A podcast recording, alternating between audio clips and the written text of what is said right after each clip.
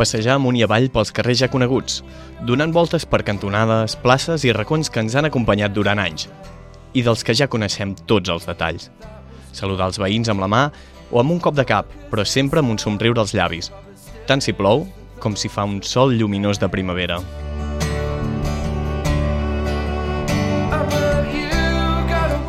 Saber que a cada passa tot continua al seu lloc, inamovible. El terra és ferm en cada moviment individual o col·lectiu. Ha suportat històries d'amor, bogeria, alegria o històries tristes i transcendentals.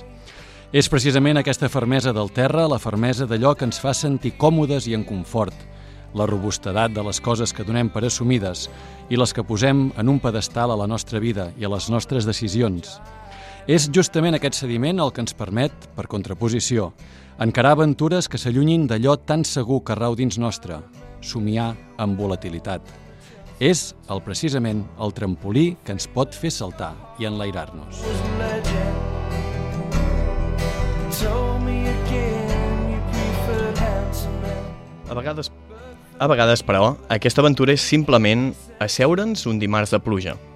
Aparcar per un moment les preocupacions i les futileses, agafar un disc, punxar-lo per l'inici, tancar els ulls i deixar-se acompanyar per la primera cançó de l'LP. A nosaltres la cançó que ens acompanya cada setmana és Chelsea Hotel de Leonard Cohen i com ja sabeu sempre l'escoltem interpretada per un artista diferent. Avui, per exemple, n'escoltem la versió de Monkey Finger, Comencem, doncs, Chelsea Hotel a Ubic Ràdio, on parlem de música, curiositats i novetats, i que tanquem amb el nostre hoste més especial, l'Agustí Palomares, que avui també ens portar- ens portarà la música d'un nou artista. Recordeu que ens podeu seguir a Twitter, Facebook i Instagram amb l'usuari Chelsea Hotel UR i que trobareu els nostres podcasts al web ubic.cat barra ràdio barra Chelsea-hotel. La porta giratòria s'ha posat en marxa i ja veiem com s'acosta, per la catifa vermella, el nostre convidat d'avui al Chelsea Hotel d'Ubic Ràdio. El voleu conèixer? Escolteu. I don't mean to profess that I loved you the best. I can't keep track of each fall and rock. I remember you well in the Chelsea Hotel. That's all, I don't even think of you that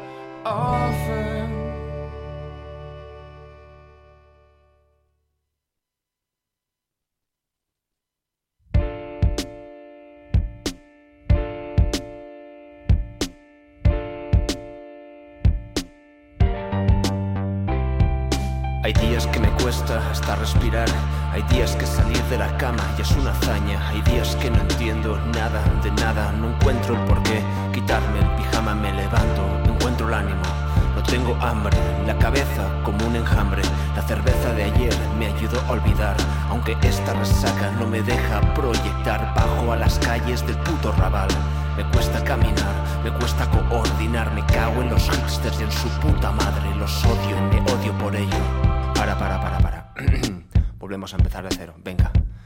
Dale gas, acero, hay días que mis párpados al despertar encuentran tu cara, bendita mirada. La Fuerza Irresistible és el títol del seu últim disc editat l'any passat. Amb ell porta ja uns mesos de gira que l'han portat i el portaran arreu d'Espanya. El van portar, per exemple, aquest setembre a l'escenari principal del Mercat de Música Viva de Vic. Fa un hip-hop particular lligat al pop o l'indi, ara en parlarem, amb lletres que desprenen energia, bona sintonia i que fan sempre de bon escoltar. Avui és un privilegi i una sort rebre al nostre hotel a Òscar Danielo, conegut com a De La Fe. Òscar, bona tarda. Hola, molt bona tarda. Encantat d'estar aquí. Moltes gràcies És per difícil venir. sonar després d'una cançó tan bona com la, de, la versió del Cohen, eh? Realment. Però hi ha flow, eh? I el flow Bueno, sí, sempre, però- sempre fa, home, sempre fa que flow, les coses sí. entri, entri bé. Hi ha més flow i també fa un dia molt bonic avui, llavors, bueno, pues, eh, sona millor la cançó, no? Sol i flow. I, Sol i flow. I, i que, i que Flow i fa sol, venint. no? Exacte. I tot ajuda. Òscar, la Digues. fuerza irresistible. El títol ja ho diu tot, no? És, és, és força, és energia, aquest últim disc de De La Fe. Sí, a veure, aquest títol jo normalment tinc els títols abans de, de, de començar a fer el disc i em, jo voldria fer un disc que parlés d'esperança amb una situació personal que és una mica de desesperança, no? Llavors, a vegades has de creure't una mentida quan, per tenir esperança, que és, que és creure...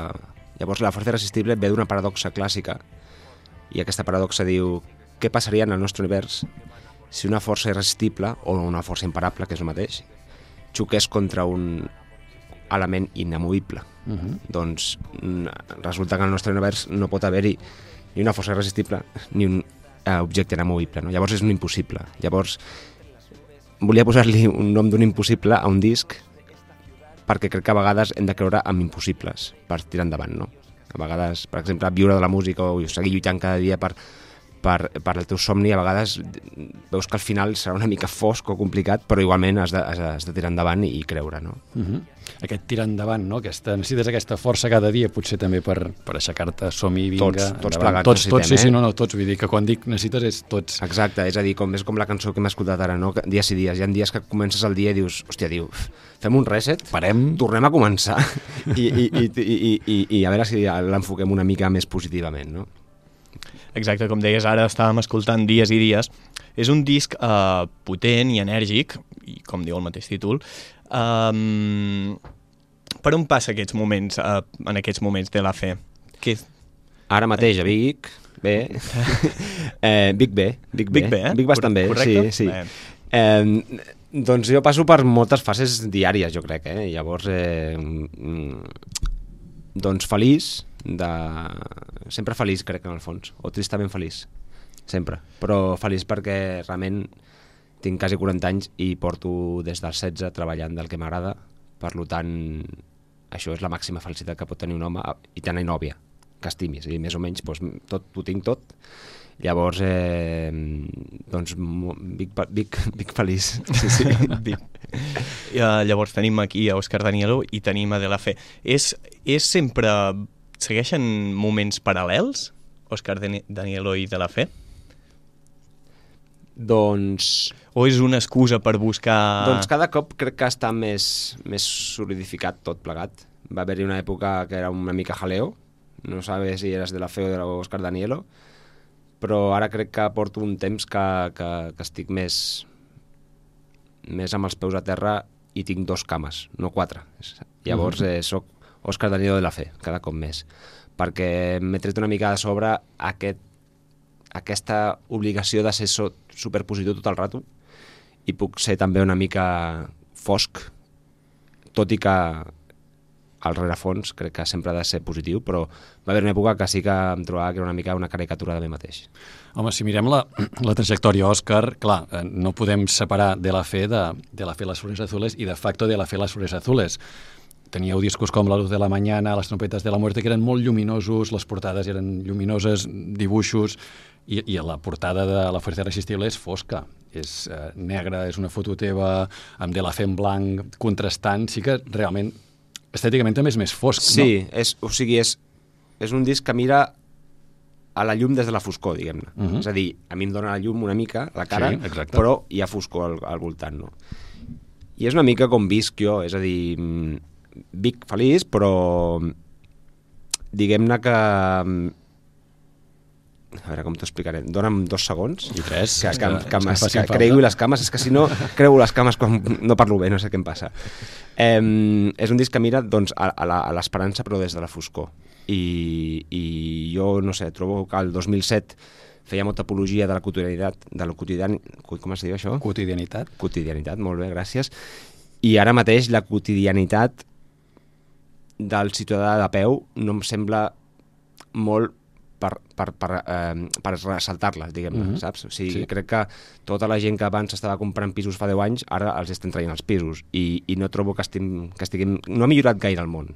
Jo vaig, pensava que el 2007, en aquella època, quan vaig fer la luz de la mañana, tot això, pensava que, ostres, hi havia un canvi polític, hi havia com molta esperança. I ara crec que hi ha molta desesperança, en general.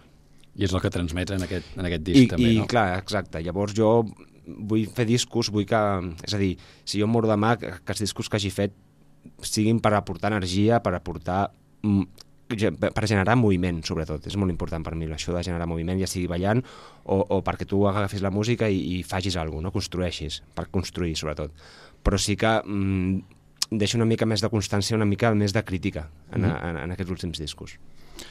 En aquest disc eh, vas en solitari, venies de, de Les Flores Azules. La- L'Helena Miquel també eh, participa en alguna cançó d'aquest disc. Mm -hmm. eh, per tant, suposo que la relació que deu quedar és bona i tot plegat. Sí. Vull dir que... Explica'ns una mica com va aquest... mm, Passar del facto de la fer Les Flores Azules i perdre Les Flores Azules, quedar-te sol. sí, Ens sí. ho pots explicar una mica per, per entendre Doncs mira, per Facto va, va caure, diguem-ne, del grup per, per, per falta de sintonia, diguem-ne. Eh, nosaltres vam començar i, i va ser un pistoletazo de salida superfort i, i de cop estàvem abrumats amb tant d'èxit i, i sobretot tanta feina i, molt, mm -hmm. i molta carretera, molts quilòmetres i, i, i molts concerts. I això eh, pots imaginar que genera un cert desgast. Estar Segur. molta estona amb, amb la mateixa gent i sent tan pocs. I llavors amb el Marc va ser un, un desgastament de no entendre'ns. En canvi, el que va desgastar l'Helena doncs, va ser una mica doncs, tan recorregut. L'Helena ja em va transmetre fa uns anys que estava cansada, i jo la vaig animar, però vaig entendre que si m'ho tornava a dir un altre cop, doncs ja no podia fer res. No? Clar. Llavors me'n recordo perfectament que va venir a casa, el di... va, em va dir, ei, vinga, vinga a casa, jo, ui, que raro que em vinguis avui perquè se'ns hem de veure demà, perquè demà anàvem a gravar el disco aquest que no era aquest disco, que Clar. era un disco que ja no, no, no hi serà mai més, no existirà.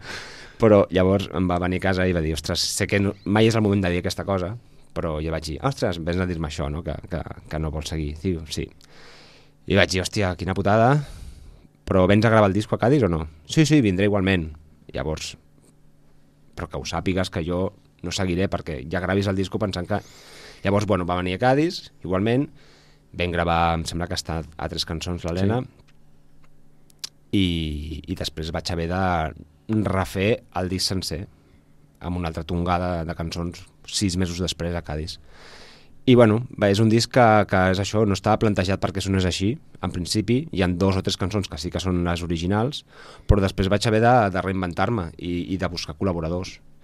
I bueno, quan es tanca una porta sobre una altra, no? Sempre, encara que la tinguis amb un regustillo amarg sobre una altra per collons. I, i bueno, l'Helena té una veu molt característica, bueno, igual que tothom, tu tens la teva veu, ell, l'Arnau té la seva també, i és molt pop i és molt dolça. Llavors, bueno, vaig dir, ostres, doncs ara què puc fer? Doncs puc agafar cançons, fer-les més fortes, més canyeres i buscar col·laboradors que siguin doncs, més frescos o que tinguin més projecció de veu. No vull dir que siguin millors o pitjors que l'Helena, però diferents. Llavors m'ha sortit un disc, diguem-ne, que, que no estava pensat, però que és més enèrgic i més, i més gordo Ahà. de lo que hagués sigut amb l'Helena. Un disc més potent, més fort. Sí. Seguint una mica, ara has fet una mica un repàs d'aquesta carrera teva, tu personalment com, com has viscut aquests trencaments, no sé si es podrien dir trencaments, perquè el que és, i, és obvi és que tu has continuat endavant i, i, i amb molta força, no? Però m'imagino que mm, aquests alts i baixos mm, deuen deixar pòsit, no? Com, com els has viscut tu personalment? Doncs, home, um, el del Facto va ser com sempre amb, una, amb un cert vèrtic, perquè estàs carregant-te, un, la marca, que això els managers sempre m'han dit, però què va, no sé què? Perquè, clar, no ens diem los planetes, ens diem pues, l'Arnau, el Sergi i l'Òscar, saps? Llavors, clar, és una putada, perquè si se'n va l'Arnau, pues, no pots quedar-te posant Arnau, perquè pobre Arnau, tot i que per contracte posi, no, si se va el 30% del grupo, te puedes quedar con el nombre, saps què vull dir? Mm, bueno, ja, mm, però- contractualment tu pots quedar com facto de la Fira Flores Azules, però a mi moralment Perd em el sembla, sentit una mica, eh? em sembla que... Però és que molta gent em diu facto encara a mi. Vull dir, hombre, el facto... No, no, és que jo... és que, bueno, jo soy el de la B, però bueno. eh, eh, llavors, carregar-te la marca és una putada. Però amb el Marc, per exemple, va ser com una certa alivi i molt de vèrtic, perquè... Però amb l'Helena va ser una mica agradol, sincerament, perquè és una companya de camí que ha sigut la meva dona, fins i tot, a la meva vida, a la meva vida, no? I és una persona que ha estat, doncs, no sé, 12 anys amb mi, o 13, molt, molt codo con codo, que es diu amb l'idioma aquell. Uh -huh. I, I, bueno, va ser una mica agradols, però l'important és que tu vegis aquella persona feliç. Clar. O sigui, no, no, no pots forçar les coses. Llavors, si una persona diu jo estic cansada d'aquest món, necessito parar, perquè ella em va dir, si parem dos anys o tres, vale. I jo vaig dir, no, jo no vull parar, és que jo mm, me'n faig gran i, i vull, vull fer això, jo. Llavors, mm -hmm. jo, no em passar, jo no em pararé. Si vols tornar, tens les portes obertes, perquè això és casa teva. Només hem de posar de la fe i la Flores Azules un altre cop i ja està. I liar-la més. I li- Però, o ja tornarem per la gira de la pasta o el que sigui. Però, però en principi, si veus la persona que està feliç, doncs apaga i vámonos. Musicalment, la teva mà dreta ara és Dani Acedo, treballeu colze a colze amb ell. Clar, amb el Dani porto 20 anys, eh, Això, quasi. vull dir que des de Mishima, perquè no ho hem dit, va ser bateria de Mishima, tu, Òscar, eh, des dels inicis, vull dir que ja portes anys de trajectòria en, en la música, estem parlant de DLF, però vull dir que ja us coneixeu des Clar, de fa Dani, imagina't, des del 99 ens han passat doncs, 18 anys. Porto amb el Dani, imagina't. Ja és que parlem, no, no cal ni... Li estic enviant un WhatsApp i ja m'està responent, saps? Abans que l'envi. O sigui, ja, ja te- telepatia i a l'hora de treballar és molt... És bastant senzill. Com treballeu? Tu vas allà amb les idees, amb la lletra. Com, com treballa DLF a nivell, a nivell musical, aquest disco? eh, Com ho fas, Òscar? Aquest últim disc encara no estic treballant, perquè, bueno, aquest últim que, estic, que faré, Ahà. encara estic a, a, escrivint coses i moltes notes, però bàsicament fins ara el que com treballem és que jo li envio una referència al Dani d'una cançó que m'agradi o de dos i li dic, pots fer un mix com amb aquesta cançó i aquesta? Pot ser la Velvet Underground i Kenny West al mateix temps, eh? Vull dir, pots fer que sigui amb aquesta base i amb aquest tipus de melodia? Vale, i ell m'envia una base. Llavors, si m'agrada la base, li, li dic, em pots fer un loop molt llarg d'això? Uh -huh. Llavors, amb aquell loop que potser ha durat 10 minuts, jo doncs, em poso tot el dia amb aquell loop al cap i estic escrivint, ja sigui al metro, ja sigui al carrer, ja sigui a casa, normalment en moviment sempre, perquè parat em costa, però, però eh, llavors llavors vaig rimant, vaig rimant, vaig rimant, i un cop més o menys ja tinc una, una rima que duri un minut, o que és més o menys el que rimo sempre abans d'un estribillo, eh, ja comencem a treballar una mica més amb la música, en què tingui un desenvolupament o en què vagin entrant més elements. Normalment treballem una mica així. Uh -huh. Per tant, partim sempre de- d'una base musical. És a dir, Sí. tu no, no, no tens una llibreta de dir, mira, doncs aquesta, aquesta lletra me la guardo per quan... Sí, això, a veure, no, no, també, també, també, clar, és que hi ha moltes maneres de treballar. És a dir, jo a vegades també em poso una instrumental d'un rapero que m'agradi i, i escric sobre allò. És que realment jo puc rapejar sobre el que sigui. Puc rapejar-la molt alt, diguem la cançó, o molt susurrada, però realment és, és rapejar tota l'estona. Jo puc rapejar sobre qualsevol música, sobre qualsevol melodia, perquè jo no, no entono, en teoria. Mhm. Llavors, és, eh, ja, ja vaig fer aquest exercici amb l'anterior disc, el de Decide Me, uh -huh. que vam fer dos discos que eren compartíem la mateixa lletra i estava interpretada diferentment. I era un disc que era feliç i un disc trist que tenia les mateixes lletres, les, els dos discos. Llavors, era per fer un exercici de com tu, depèn com tu entonis una cosa o la rapegis o diguis si tu dius t'estimo o dius t'estimo. Clar, és que mm, un dius, hòstia, me'l crec. Aquest primer me'l crec. L'altre dic, no, no, no, no, no m'ho crec, no? Llavors jo, doncs, jo puc rapejar realment sobre moltes músiques i hi ha, hi ha vegades que tenim molts dubtes de com afrontar una cançó, perquè diem, ostres, és que la part susurrada m'agrada molt, o la part canyera també, llavors hem, hem d'escollir una. Amb, amb, quan fas més pop, és més evident, jo crec, cap on ha d'anar la cançó. Llavors nosaltres doncs, treballem a vegades amb una base que ja m'agafa una instrumental, a vegades el Dani m'envia una, una base molts cops, quasi sempre, i, o i a vegades jo ja tinc una rima i, i quedo i dic, mira, m'agradaria una base d'aquest estil. O sigui, hi ha tres maneres de treballar, bàsicament. I per això aquestes col·laboracions, o, o l'Helena que et feia la part més pop, més entonada, més cantada, i tu mm, rapejant, entonant tota l'estona, no? Vull dir, però, però sí que en aquest disc hi ha una mica més de- d'entonació, o no et diria que cantes, Òscar, però sí que hi ha alguna cançó que dius, ei, aquí l'Òscar mm, Sí, va sí, entonant, eh? moltes hores de... Hi ha algunes que, que sí que canto una miqueta, però vam haver de... Vaig, vaig jugar amb la paciència una mica del productor i del Dani, perquè realment sóc una mica desastrós a l'hora de d'entonar. No tinc gaire oïda musical, sincerament. És a dir, jo canto molt feliç per la vida, jo totes les tornades de la fe que canta l'Helena les he fet a jo, quasi totes. Jo, diria que el 90%. I, i si escoltes les maquetes et tronxaries perquè desafino com un cabron. El que passa que el Dani i l'Helena ja saben que... Ja ho entenen, diuen, vale, tu vols fer això. Ah, ah, vas per aquí. Va. Sí, però jo estic en el tractor i, i, i a part que, que, que, que canto que crec que m'ho faig bé, saps? El típic, que, el típic senyor que canta, que creu que ho fa bé, doncs jo sóc el típic aquest de... I després, clar, a, en aquest disc volia cantar una miqueta a vegades sí. i clar, I jo deia, està bé, no? I dic, està fatal, tio, és que estàs... Tu no, escolta la música, tio, no estàs al to, estàs una octava més a dalt, i jo, és que no sé el que és una octava, saps? Llavors, eh, això és un problema, això és un problema. Llavors, intentaré cantar cada cop més, perquè em diuen, tens una veu bonica, eh? però el problema és que no tens oïda. Mm, És així. Uh, Ho he intentat. Bueno, sí, està bé. I després hi ha una cosa ja sabem meravellosa el que es diu autotune, eh, que va molt bé. Ah, part, bueno. Sí. Llavors, si volguéssim parlar d'etiquetes, et- mm, diríem que fas hip-hop, però és un, és un hip-hop molt, molt personal. No, no sé si, si igual és aquest treball amb les bases, és un... És una cosa una mica especial. Jo, a veure, jo n'he escoltat poc de hip-hop, t'he de dir que estic entrant una mica, però Mhm. sí que noto que tens, tens un, una manera molt especial, no? Té una pàtina... De la fe té una pàtina que, que em fa pensar que és una cosa una mica eh, diferent al que he escoltat uh, de hip-hop. Jo crec que faig una mena de hip-hop o rap, però amb unes lletres molt poperes. Exacte. Em baso molt amb el... És a dir, la, la meva, el meu referent és el pop. És el pop. A nivell de lletres, sobretot. Perquè crec que no em sento molt identificat amb el hip-hop on l'MC tota l'estona sembla que estigui dient que és el puto amo. Uh -huh. eh, em costa, jo a, a vegades ho intento una mica, hi ha, hi ha, hi ha alguna cançó que um, Hoy hueve de la fe, saps? Dic alguna així, saps? Però però trobo que el, el, a l'hora d'escriure jo sóc molt, molt popero, molt popero. I llavors el que passa que es, faig, he de fer lletres molt llargues, perquè clar, com no puc allargar les paraules com un cantant normal, he de dir moltes més paraules, però jo crec que si hagués mm, puc cantar, jo tenia molt clar que volia apropar-me a un micro i, i sortir a l'escenari. Llavors vaig trobar la manera de fer-ho. Si jo hagués sigut capaç de cantar, jo hagués fet cançons pop. Això està clar. Uh -huh. Llavors, jo sóc un popero frustrat, però com, vull, com, com, com soc un cabezón i vull sortir a l'escenari m'he hagut de buscar la manera i ha sigut rapejant, bàsicament.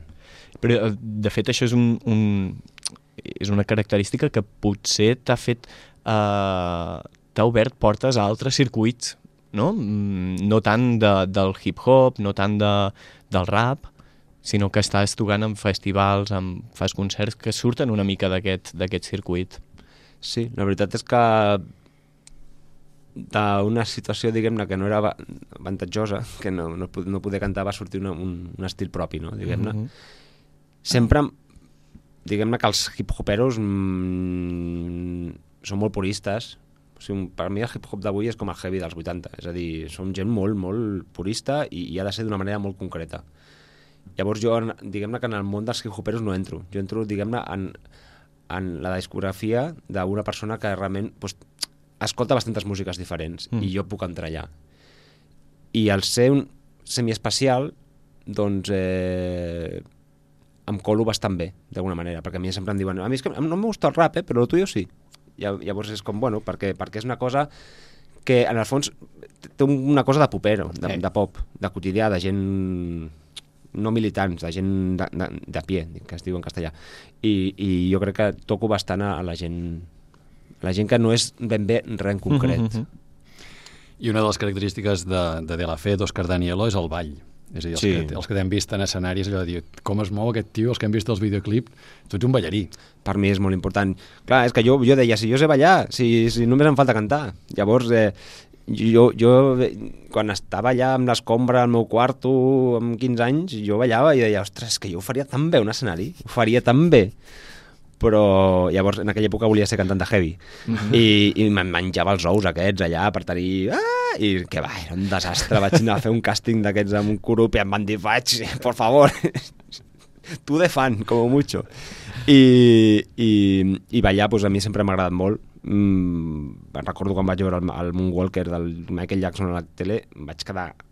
Llavors vaig baixar al pis de baix, a, a la porteria, ja, ja, ja al darrere del marbre allà, i vaig estar... Llavors teníem la vidrera a la porta, de l'entrada del, del, del, del bloc de pisos, mm -hmm. i vaig estar com tres dies allà, davant allà practicant fins que em vaig sortir al Moonwalker i, i, i després ma germana volia fer ball, tenia vergonyes d- d'anar sola a classe, llavors em vaig apuntar a ball amb ella per, per acompanyar-la, per estar amb ella, i al final ella va deixar ball i jo vaig quedar-me. continuar.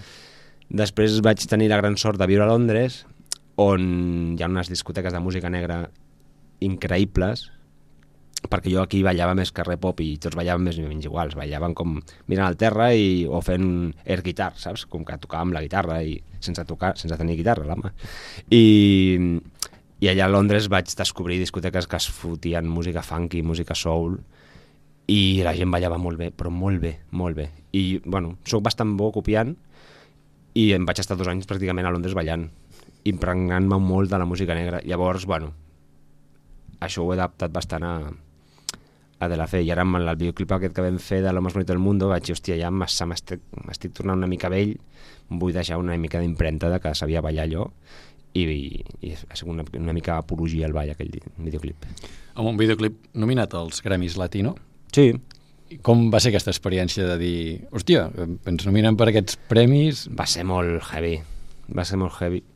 De veritat és que no ens ho esperàvem i sabíem que no guanyaríem perquè això ho voten tots membres de l'acadèmia i clar, quasi tots estan a, es voten entre ells, quasi tots, no? Però sí que va ser una sorpresa perquè és, real, realment és com estar nominat als Oscars, mm -hmm. o sigui, sup- de la música. Exacte.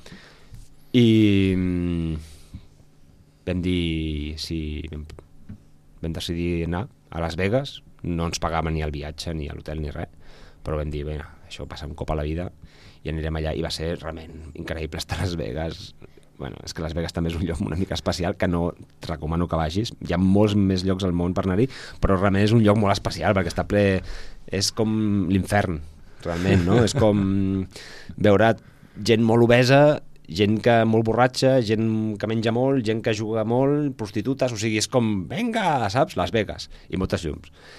I tot fake, tot fals. Ja. I mm, llavors, bueno, va ser una experiència amb el Dani allà. Vam gravar un videoclip que no sé si sortirà mai perquè no va quedar gaire bé.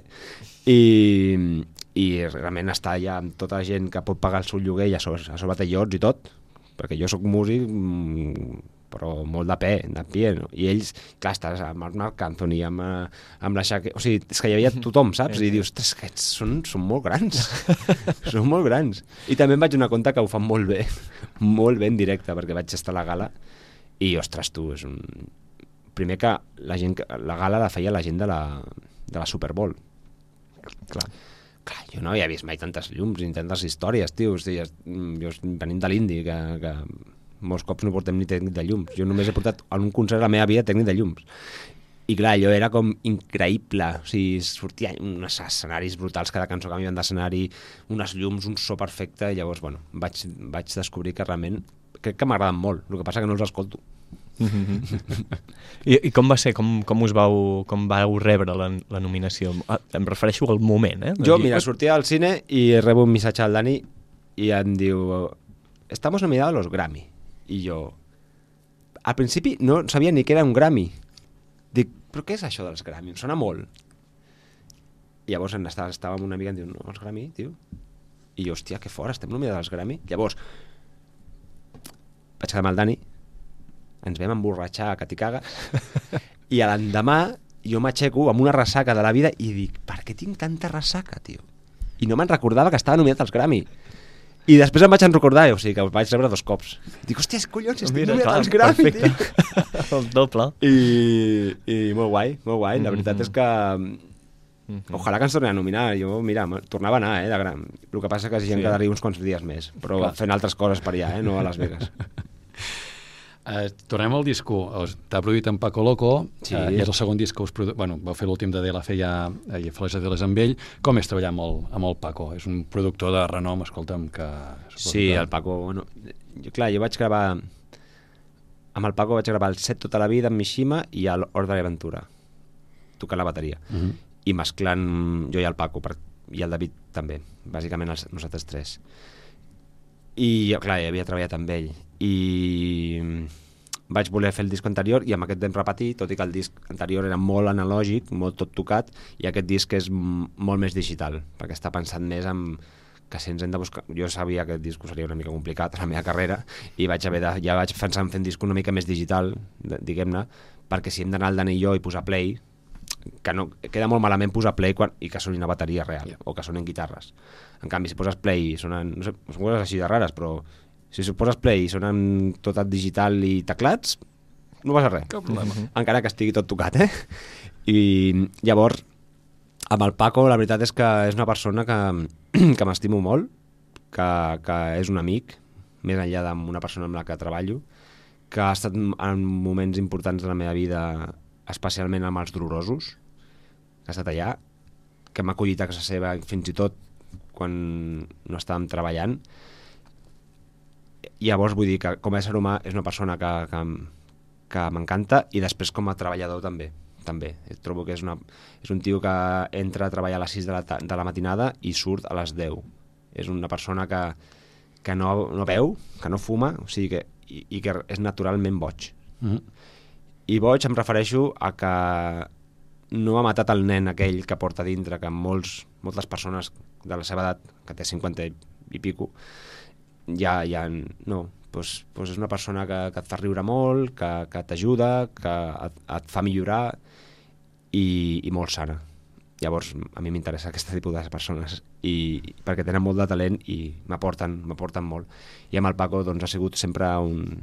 És com família, és com una casa, la seva dona... I a part que quan estàs al Paco allà, realment és un lloc molt especial perquè és una finca, diguem-ne, i està la casa del Paco, la casa del músic, perquè vius allà, l'estudi, una piscina, un camp de bàsquet i un prat. I clar, estar allà és com, és com anar de colònies a fer un disc. És el que t'anava a dir, I, sembla una... i, I realment és molt bonic. Jo me'n recordo al ser tota la vida que vam estar 15 dies, doncs vaig estar 15 dies pràcticament sense sortir d'allà. Només sortia a córrer una mica per fer una mica d'exercici i sopar, dinar i esmorzar allà i dormir. I és, és realment bonic perquè fas molta pinya, no? És molt diferent que quan graves un disco a Barcelona, no? que vas a currar i tornes a casa. No, allò és com estar sempre gravant el disco.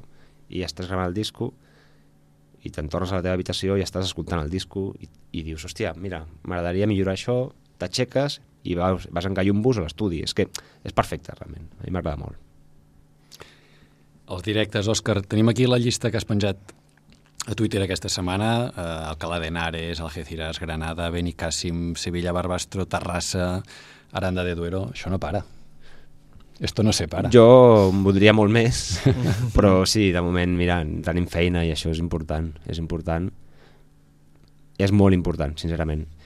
I, i sí, amb ganes d'anar, em sembla que, que, que, el divendres, no sé, el dijous estic a... Bueno, avui estic a... avui estic a... Sí, la màgia de la Alcalà. ràdio. Ara, ara sortiré volant. Demà cap a Algeciras. Ara agafo un avió, el jet privat, que l'he aparcat aquí davant de la universitat. Agafo el jet privat i me'n vaig a Alcalà i després d'Alcalà torno a agafar el meu jet privat. Me'n vaig a Algeciras, del Algeciras amb el jet privat torno a Granada i després torno amb l'AVE perquè sempre les tornades m'agrada fer-les amb AVE. Tinc aquests capricis, tu. No, no, si, si t'ho pots permetre. Sí, sí. L'AVE que surt de Granada sempre, clar, perquè sempre, com hi ha AVE allà, doncs perfecte. Uh, L'Òscar, i, bueno, ja ho heu sentit, uh, sol viatjar amb jet privat, però Sempre. també amb tren que ha vingut aquí, però uh, ens consta que la bici també també la fa servir força, no? Doncs sí, la bici... La gent que no tenim carnet de res, ni de moto ni de cotxe, doncs, o anem en patinet o anem en bici. I bici, jo, mira, és un bici per mi, això de la És un bici. bici. És un bici, sobretot d'abril a setembre, eh? però que ara... mm, no sé per què no l'agafo gaire. Crec que perquè tinc fred. Igual sí. I, i no m'agrada gens la bici amb el fred, però sí que sí que quan surt el sol i, i els dies són més llargs m'agrada molt la bici, molt, moltíssim. I aquest estiu, bueno, no l'agafo des de l'agost perquè vaig, vaig fer-me vaig fer-me els Alps i les Dolomites italians i vaig entrenar molt per fer-ho aquest any però quan vaig acabar, vaig acabar, em vaig acabar fins als collons. I, I vas penjar la bici. Sí, i vas sí, dir, va ser... Qui es queda? És que vaig acabar amb el Zoncolan, que el Zoncolan és una muntanya... O sigui, vaig fer... mm, Bueno, és que ara és el típic que parla un tio i tothom em dirà com dient no conec cap muntanya, no? Doncs pues passo de dir-les. Però vaig fer mo moltes boniques d'aquestes que surten al, al Giro i el Giro el que té és que és a, és, té les muntanyes més dures de... Ahà. Bàsicament hi ha tres carreres molt importants al món, sí. que són el Tour, el Giro i la Volta a Espanya. El Tour té muntanyes xules, però els francesos, bueno, tenen una manera de construir les carreteres bastant lògica. En canvi, els italians jo crec que volien estalviar ciment. Llavors les construïen molt més empinades, saps? O sigui, els francesos sempre és un 10%, com a molt, de mitja, però els italians, potser el Zoncolan té, té 5 quilòmetres al, se- al 16% de mig o al 15%. que un 15 és una bestialitat. I jo vaig fer 8 muntanyes i l'última era el Zoncolan. I quan vaig fer el Zoncolan vaig dir, hòstia, ja l'he fet. Ja me l'he tret de sobre, o sigui, tatxat. perquè això és una cosa que no pots fer cada dia. O sigui, el Tourmalet pots fer sempre. Perquè és llarg, però és, és més és un bueno, xic de constància. Si ets ciclista, sí, vull dir que a mi no em passis fer el turmalet, eh, Òscar? Jo crec que, que tu podries fer. Jo, Bueno, jo t'entreno, entrenem tres mesos, entrenem tres mesos i el fem. Va. Però el Zoncolan no t'ho puc, no t'ho puc assegurar. és que no t'ho puc assegurar perquè és molt, molt, molt, molt, molt puta. I vaig fer el, el Zoncolan i vaig, vaig penjar la bici i encara no l'he tornat a agafar. I, però sí, m'agrada moltíssim anar en bici. Trobo que, trobo que sobre la bici hi ha una sensació com de llibertat que, que no trobes en lloc. Eh, crec que tothom se'n recorda una mica el primer dia que va aprendre en bici. És com un moment bastant important a la vida i tothom crec que recorda aquell moment de uah, m'estic embalant, saps? Que, quan t'embales. I, i res, eh, jo encara, per sort, cada cop que agafo la bici tinc aquella sensació i, i espero que duri per, per molts anys. Molt bé. Uh, doncs fins aquí, Òscar, se'ns acaba el temps. Sí. Uh, merci sí, perquè per... ja tinc el jet allà que, Sí, no, que ens ha, ens ha vingut el pilot. ara el, el pilot que diu que... ha vingut a tocar la finestreta de la piscina. Moltes gràcies per venir al nostre hotel i fer una estada al Chelsea. Uh, molta sort amb Fuerza Irresistible i tot el que vingui per davant i a veure si et podem tornar a veure en directe uh, per aquí a Vic alguna hora. Fantàstic, Ens a veure si vinc aquí al... Es diu Pasternak? El Pasternak. El Pasternak, el sí, Pasternak, sí. que, que els, els, mm, els... Hòstia, com es diu dueño en català? Els amos, sí. Els amos. Mm. Els amos són molt, molt ben parits. Doncs a veure si et veiem per aquí a la vora. Posarem el teu nom amb una plaqueta en una habitació de l'hotel, com amb els convidats que hem tingut. Tries ara la que t'agradi més i això és casa teva. Fantàstic, doncs mira, guardeu-me aquella, la, la del 66. Vale. No, la 69 millor. 69 per tu? Sí, Va. No està agafada encara. Gràcies, Òscar. Vinga, Moltes tarda. fins aviat. Y todo lo que hago es caminar hacia ti, camino hacia ti. Y todo lo que hago es caminar hacia ti, camino hacia ti. Y todo lo que hago es caminar hacia ti, camino hacia ti. Y todo lo que hago es caminar hacia ti y me alejo de ti. Lo único que hago es caminar hacia ti y me alejo de ti. Lo único que hago es caminar hacia ti y me alejo de ti. Lo único que hago es caminar hacia ti y me alejo de ti. Me alejo de ti.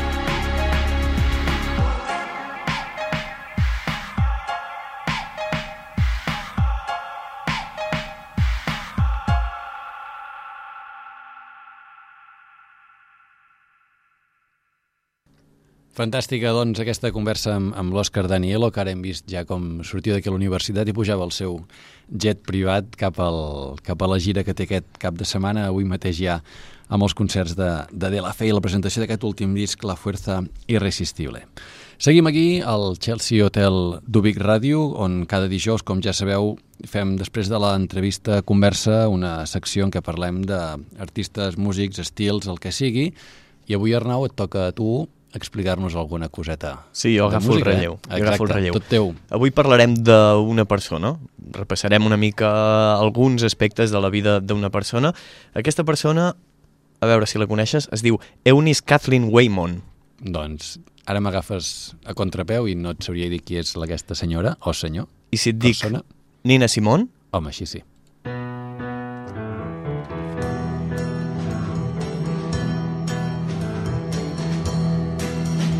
Got no home, ain't got no shoes, ain't got no money, ain't got no class, ain't got no skirts, ain't got no sweater, ain't got no perfume, ain't got no bed, ain't got no mind, ain't got no mother, ain't got no culture, ain't got no friends, ain't got no schooling, ain't got no love,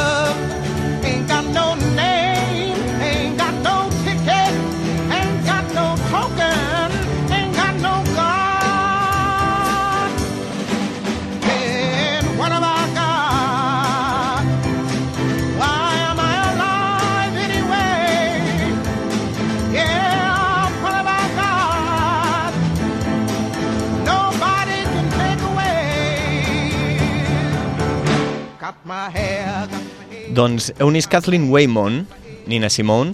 Uh, M'agradaria parlar-vos d'aquesta cantant, compositora i pianista de jazz, uh, blues, soul, Ah. perquè l'altre dia, la setmana passada, vaig veure el documental que van fer, que van produir sobre, sobre la seva vida, uh, que ho va fer Netflix, i que es diu What Happened Miss Simone. És un documental que és, collonut, repassen tota la seva vida a partir d'una entrevista que li van fer a la televisió Sí? i amb imatges d'arxiu doncs, van omplint uh, aquests forats que ella deixa anar a l'entrevista i és uh, molt, molt recomanable. Nina Simone va néixer a Tryon, als Estats Units, el 21 de febrer de 1933 i va morir a França el 21 d'abril del 2003, a Carry-le-Rouet. Suposo que es pronuncia d'aquesta manera, més o menys. Uh, bé, com dèiem, una cantant, compositora, pianista, que va tocar tots els estils doncs, que es tocaven en aquella època, o, o que tocaven els afroamericans en aquella època als Estats Units, no? jazz, blues, soul, uh, rhythm and blues... Uh, la caracteritza una mica la seva veu, no? Aquesta veu que és com de mm, contralt, quasi bé. Tenia un registre de contralt molt especial, amb un, amb un timbre una mica fosc, una mica greu, i que ens va deixar doncs, temes que han passat a la història, com l'Ain't Got No, que, que ha obert la secció i que estàvem escoltant ara, Mississippi Gotham, que si us recordeu, oients, en van parlar fa, un, no sé si un parell o tres de les setmanes, que quan vaig fer un repàs una mica doncs, de les cançons que havien deixat petjada en el moviment, en el moviment dels drets civils eh, dels Estats Units als anys 60, i o temes com aquest que us poso ara, que segur que reconeixereu, que és My Baby Just Care For Me.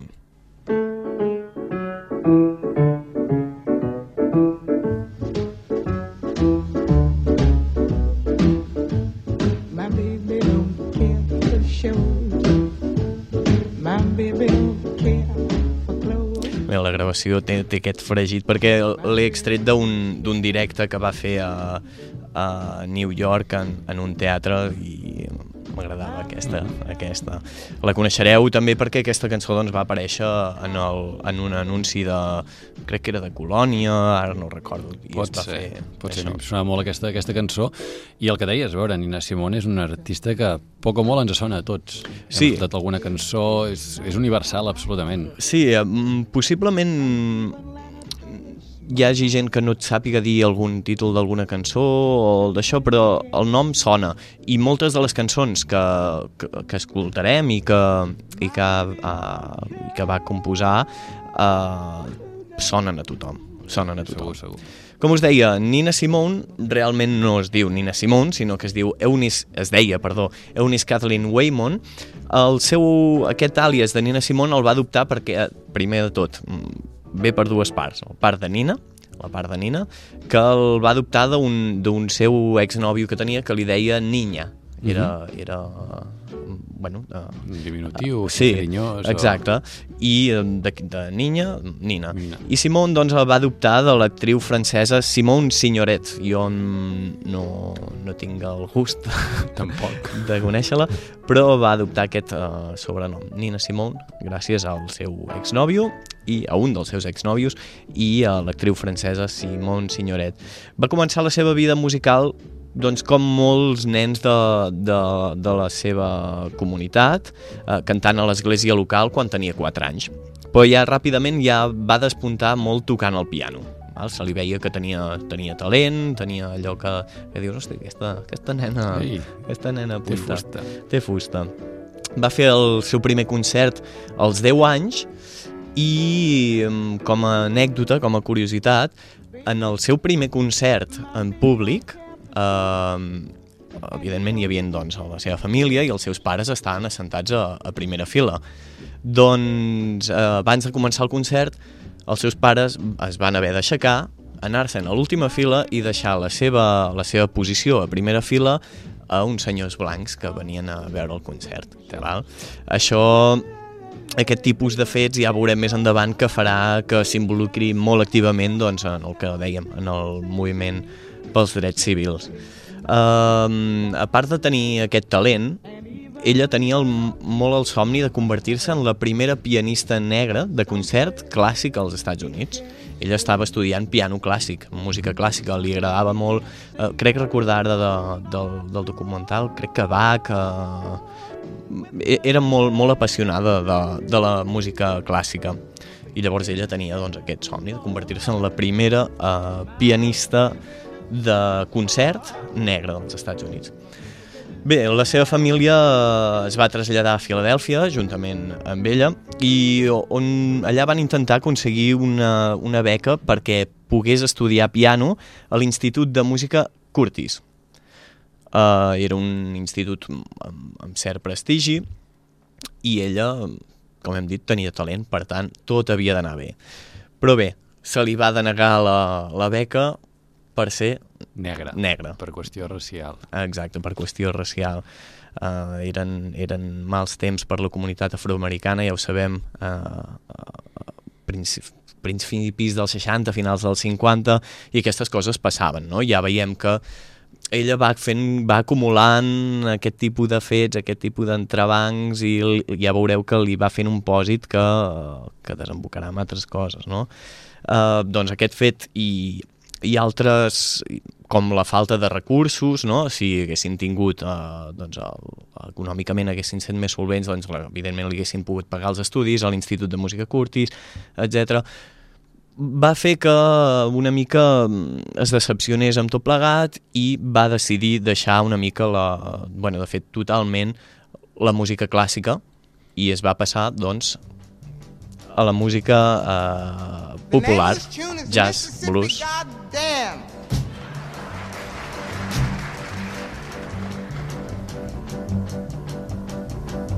And I mean every word of it. Alabama's got me so upset. Tennessee made me lose my rest. And everybody knows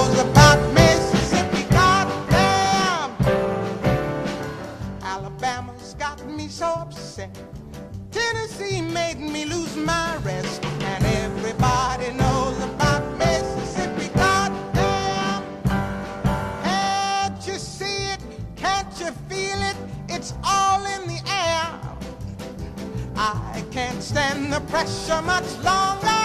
Somebody say a prayer. Alabama's gotten me so upset. Tennessee made me lose my rest. And everybody knows about Mississippi. Goddamn. This is a show tune, but the show hasn't been written for it yet.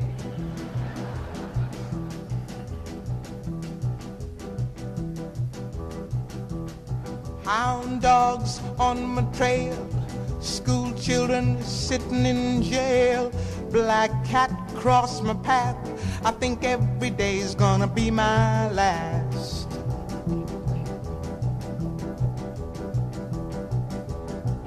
Lord have mercy on this land of mine. We all gonna get it in due time. I don't belong here, I don't belong there. I've even stopped believing in prayer.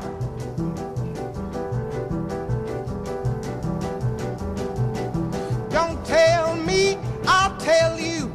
Me and my people just about do. I've been there, so I know. Keep on saying, go slow.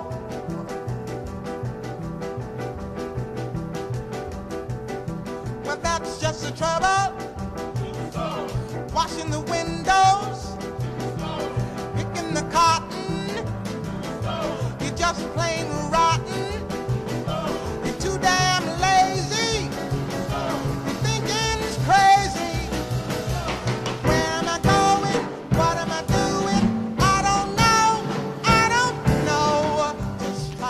Bé, doncs tenim això, la, la Nina Simón a Filadèlfia amb la seva família i que ja s'ha endinsat en el món de la música popular i afro afroamericana com el jazz, el blues. Ara estem escoltant Mississippi Goddam, una de les cançons que us comentava abans i que ja havíem escoltat altres setmanes, que es va convertir en, en un dels himnes del, del moviment pels drets civils.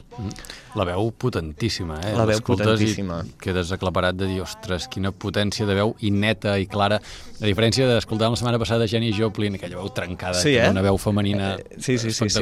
Espectacular, Un- aquesta radicalment diferent. Una mica, llavors ent- entens el significat de la paraula soul, no? Exacte. És eh, això Ànima que... absoluta, que, sí, sí. Mm, el que es coneix com a chorro de voz. Exacte. Doncs bé, uh, continua, Nina Simone continua treballant, uh, um, el seu, el seu marit uh, passa a ser el seu representant i és un home que havia estat uh, policia i es passa al negoci de la música, no? Eh, uns anys prolífics i mm, la música negra tenia molta tirada, es venien discos i el seu home, doncs, uh, per què no dir-ho, tot i ser policia, se li va donar bé, val? i va començar a crear, doncs, ja petits hits i el primer èxit el, o amb el, la cançó amb què es, dona, es dona a conèixer al públic general va ser amb la seva interpretació de I Love You Porgy de Gershwin. És una cançó que entrarà als Billboards, entrarà al top 40 de, dels Estats Units. Altres cançons que l'han fet popular, doncs, eh, el My Baby Just Cares For Me, que hem dit abans, que eh, va tenir una gran popularitat a Anglaterra pel, pel que us deia, perquè va aparèixer en un anunci, ara m'he recordat, de Channel Number 5. Val? Llavors eh, es va donar a conèixer i Anglaterra va ser, va ser un gran hit. Una altra de les cançons que la va popularitzar va ser la uh, The House of the, of the Rising Sun, també coneguda, coneguda per tothom. Sí, absolutament. En aquest, en sentit d'aquesta cançó hi ha una anècdota que explica el, el cantant dels The Animals, que tenen la, una versió que potser coneixem tots més, no? el The House of the Rising Sun de, de The Animals, que explica una, una trobada amb Nina Simone en, en l'època en què els The Animals mm, triomfaven absolutament amb aquesta cançó, i és també d'un documental de la BBC, de les set edats del rock, mm -hmm. crec que era, en un d'aquests documentals. Exacte. Mm, sortia el, el cantant dels The Animals i explicava sí, vam tenir una trobada amb, amb Nina Simon precisament i ens deia diu, se'm va costar i- imagina com havia de ser el caràcter de Nina Simon mm -hmm. també, que diu tu ets el blanc que m'has robat la meva cançó i ell li va dir ostres, diu i tu ets la dona que ha robat les cançons dels esclaus d'Angola i s'ha fet famosa gràcies a aquestes cançons? I el cantant explica, diu, li va canviar la cara absolutament, em va donar la mà i em va dir soc Nina Simon, encantada de conèixer-te. Sí, sí, sí, tenia...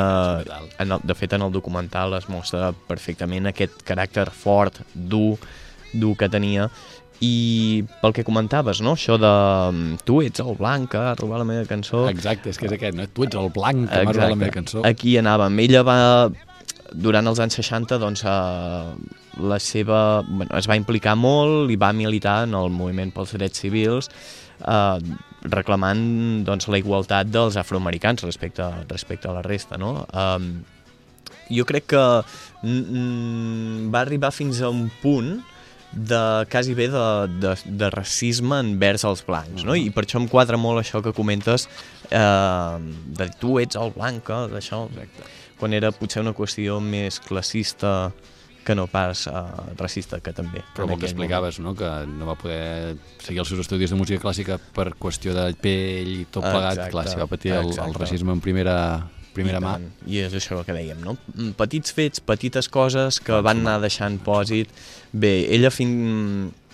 eh, es va involucrar molt, com deia, en el moviment i va fer temes, grandiosos temes, eh, una mica inspirats en aquest moviment, no? Com repeteixo, Mississippi Gotham, que, que acabem d'escoltar, o com To Be Young, Gifted and Black, que després va ser versionat uh, per altra molta gent.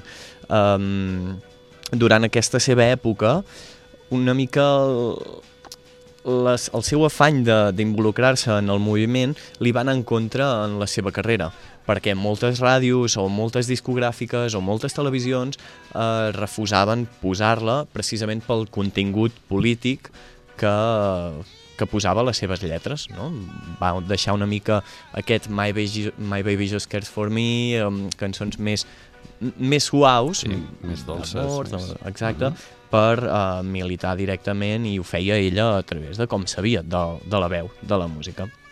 Finalment, eh, després de l'assassinat de Martin Luther King, eh, la pressió que suportava ella i sumat a un ordre de detenció per, per, evisió, d'i- per evasió d'impostos i, i també un posteriorment detectat trastorn de bipolaritat, que també s'entén, en, fa entendre aquests, aquestes sortides, aquest caràcter tan fort, eh, va deixar els Estats Units i se'n va anar a viure a Libèria amb la seva filla, on creia que trobaria doncs, aquestes arrels africanes que ella una mica reclamava, i més que res que després d'anys de lluita i de tenir-se-les amb gent, creia que allà podria viure en pau entre la comunitat negra de Libèria. Val?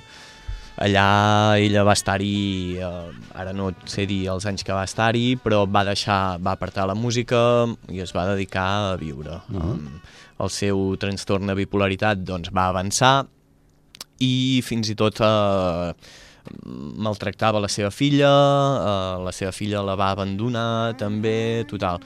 Vida complicada, eh? Vida molt complicada fins que estava molt ja enfonsada. Al final, després d'anys d'això, eh, sense ni un duro, eh, completament destrossada, el seu productor, que era guitarrista de la seva banda, doncs eh, la, la va agafar i va dir, bueno, doncs fem una cosa. Reprenem la, La carrera? la carrera, també amb, eh, estàvem involucrada en tema de drogues, etc, com no, i reprenem la carrera, fas diners, tens una cosa per què viure, una mica tornes a agafar el fil de la teva vida. Uh -huh. I van decidir doncs, anar, venir a Europa i bé, eh, durant els finals dels 80, principis del 90, doncs es van recórrer a Europa, sobretot Holanda i França, on al final es van instal·lar, i va fer els seus últims concerts i, eh, i fins abans de la seva mort, que es va morir, com dèiem, a un poble prop de Marsella, i, i això és el que ens va quedar de, de Nina Simone, no? una mica una imatge desgastada d'una d'una diva de, del soul. I llavors, com, com passa amb, amb, amb molts artistes, després de la mort arriba la, el mite, no? Exacte. clar, tothom recorda, es queda tothom amb la música, amb el que va aportar. Exacte. La veu, exacte. La tot, veu. absolutament. La veu. Sleep in peace when day is done, that's what I mean. And this old world is a new world and a bold world for me.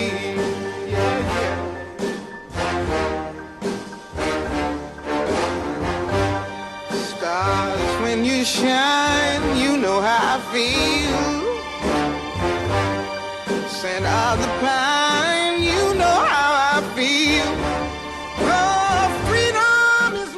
I fins aquí Vida i Miracles de Nina Simone. Pels que no la, la conegueu, busqueu-la, xarxes socials, a, a, a internet hi ha la música de Nina Simone, busqueu els discos, els compreu, els escolteu i els gaudiu com s'ha de gaudir un artista d'aquest calibre. Anem per acabar el programa. Arnau, Anem per acabar el programa. hem trucat a la porta de l'Agustí i no... No, no però sortit. deu estar dormint encara, Va, aquesta hora. Doncs no, no, el despertarem per molestarem, si de cas. No el molestarem. Eh? Uh, acabem amb les novetats. Uh, avui posem ja la, la música de fons que, que vagi sonant. Més que una novetat discogràfica, perquè ara encara gener-febrer sí que van sortint coses, però encara uh, falta que acabem de fer-les interessants. Una notícia mm, així també que és, que és novetat, i és que sembla, sembla, sembla que la música de Prince tornarà a, a Spotify i tornarà en altres plataformes d'aquestes digitals. Eh? Mm -hmm. És, és curiós perquè um, algun dia que hem, que hem buscat la música de Prince, uh, clar, No l'hem eh, trobada. costa, costa, perquè Costa a trobar. YouTube uh, algunes cançons per tema de drets uh, no sona l'àudio, a Spotify, com dius, no, Exacte, no hi precisament ve d'aquí, no? Uh, Prince, recordem, va morir a l'abril de l'any passat, quan tenia 57 anys, i ell mateix havia vetat que la seva música fos a les plataformes digitals, Spotify, YouTube, etc. I ara sembla que aquest febrer, març de 2017 tornarà la, la música a les plataformes digitals, per tant, mira, és una novetat també per tornar-lo a buscar i redescobrir aquest artista. I tant, com si és un plantejament també curiós, eh? el fet de negar-se a. Ell deia, discogràfiques no hi tindria res a veure, per tant, no hi ha la música. Molt bé, doncs fins aquí el Chelsea Hotel d'avui. Ens despedim. Ho deixem aquí, exacte, i tornem dijous que ve amb més artistes, més música i el que sigui a Ubic Ràdio. Ens podeu seguir, ja ho sabeu, a facebook.com, a Chelsea Hotel UR, a Instagram també, Chelsea Hotel UR, I a Twitter. i a Twitter. Gràcies per ser-hi. Que vagi bé.